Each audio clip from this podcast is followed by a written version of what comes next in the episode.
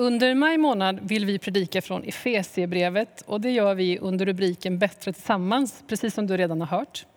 Vi tror att vi som församling ständigt behöver påminna oss om att vi behöver varandra och att vi är tänkta att vara en enhet. Att församlingen är ett redskap för Gud i den här världen för att visa vem han är, för att nå fram till dem som ännu inte känner honom. Vi är något tillsammans och vi är bättre tillsammans. Den bibliska tanken är ju att vi formar varandra till att bli lika Jesus. Att vi får uppmuntra varandra, skydda varandra, eh, ta rygg på varandra. Att vi får liksom inspireras och sporras av varandra så att vi kan följa Jesus. Så att vi kan få sträcka oss ut ännu mer till andra. Så att vi kan följa och formas av Jesus allt mer. Och jag vill läsa från Efesierbrevet 4 idag, en vers, och det är vers 16. Där står det så här. Han låter hela kroppen foga samman och hållas ihop genom att alla lederna hjälper och stöder med just den kraft han ger åt varje särskild del. Då växer hela kroppen till och byggs upp i kärlek. Det är Paulus som skriver det här och han vänder sig till församlingen i staden Efesos i ett brev till dem som vi nu kan njuta av och läsa därför att det finns i Nya Testamentet.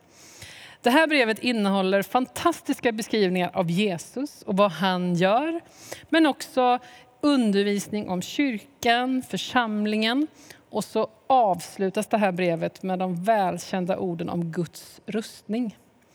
Under de här veckorna kommer du också att kunna följa en bibelläsningsplan där vi läser just Efesierbrevet tillsammans. Paulus pratar här om kroppen. Han gör det på några olika ställen i sina brev. Kroppen som en bild för församlingen. Det är ju på många sätt en så genialisk bild. En väldigt pedagogisk och väldigt åskådlig bild.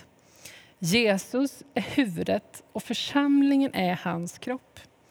Och redan där liksom förklarar Paulus församlingens liksom absoluta centrala uppdrag och syfte.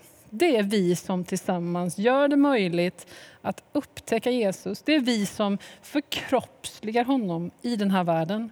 Det är församlingen som, som kan agera, som kan sträcka ut en hand, som kan gå, som kan sätta sig i rörelse. Med den här bilden förklarar också Paulus hur vi existerar som troende individer i förhållande till varandra. Vi hänger ihop som en kropp. Vi går inte att separera, vi kan inte fungera eller vara till helt frikopplade från de andra. Vi behöver alla slags gåvor, alla slags funktioner, kombinationer. Och vi är inte bara bättre tillsammans, egentligen är vi ingenting utan att vara tillsammans. Ingen hand kan göra någonting själv utan att höra till kroppen. Ingen fot kan göra någonting utan att höra till kroppen. Och vi kan heller inte i kroppen bara vara en massa händer eller en massa fötter bara. Bilden av kroppen blir nästan överdrivet övertydlig. Det blir nästan komiskt när vi tänker på en kropp som kanske bara skulle bestå av just en massa händer. Eller att en enskild kroppsdel skulle vara ute och agera helt på egen hand. Ändå så ligger utmaningen här. Vi vill kanske inte alltid göra oss beroende av varandra. Och vi vill kanske inte alltid acceptera att precis som just min gåva och min funktion har sin givna plats i helheten så har faktiskt alla de andras gåvor och funktioner det också. Det är utmanande att höra ihop. Och det kräver något av oss att våga göra oss beroende av de andra. Det är ibland ansträngande att samarbeta och att samexistera.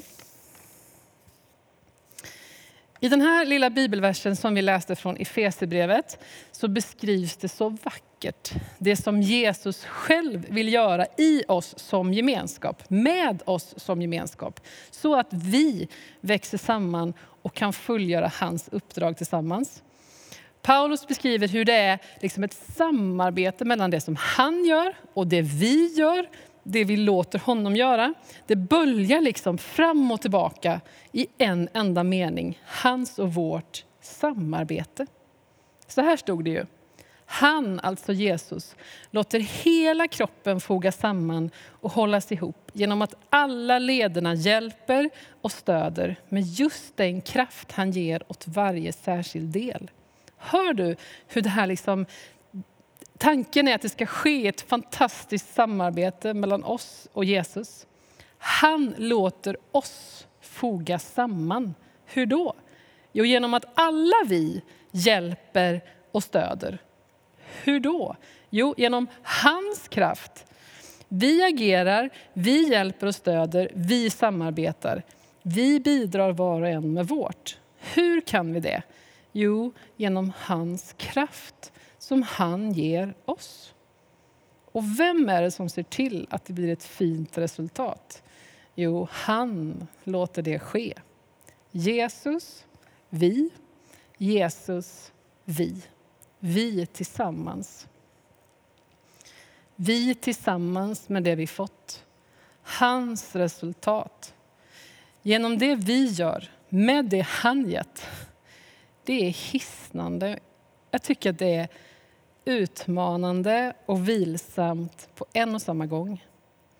Det låter som att det finns en hemlighet i att handla i hans kraft, i hans gåvor med förtröstan på att han ger resultat och frukt. Vi bidrar och vi vilar. Och resultatet är ju fantastiskt. Då växer hela kroppen till och byggs upp i kärlek. När vi är med och gör det han gett oss förutsättningar och kraft att göra blir det något otroligt vackert. Församlingen växer till och byggs upp i kärlek. Mikael Telbe som är pastor och författare och teolog och lärare. Han har skrivit så här i sin bok Med framtiden i ryggen. I Efesierbrevet blir det tydligt att Gud tar kyrkan på allvar Församlingen beskrivs både som Guds familj och Guds tempel vilket innebär att de troende är ett uttryck för Guds kärlek och närvaro i världen. Församlingen är också Kristi kropp, ett uttryck för Guds fortsatta liv på jorden. Denna kropp kommer i funktion och växer när de troende överlåter sig till varandra och tjänar varandra med de tjänster och gåvor som Kristus gett. Du, jag, vi alla har en plats i församlingskroppen. Vi har en given begåvning och en given funktion. Utan var och en av oss blir det haltande och svagt. Och så är det alltid plats för fler. Kroppen ska förfinas, bli starkare, kompletteras, bli mer begåvad. Det är utmanande och så är det alldeles underbart. Låt oss be. Tack Jesus för att vi får vara din kropp på jorden. Tack för att du tänker att vi är liksom dina händer och fötter. Vi är din rörelse i den här världen. Och så har du sagt att du vill låta oss växa till genom ditt handlande i och med oss. Tackar dig för det, Jesus. Amen.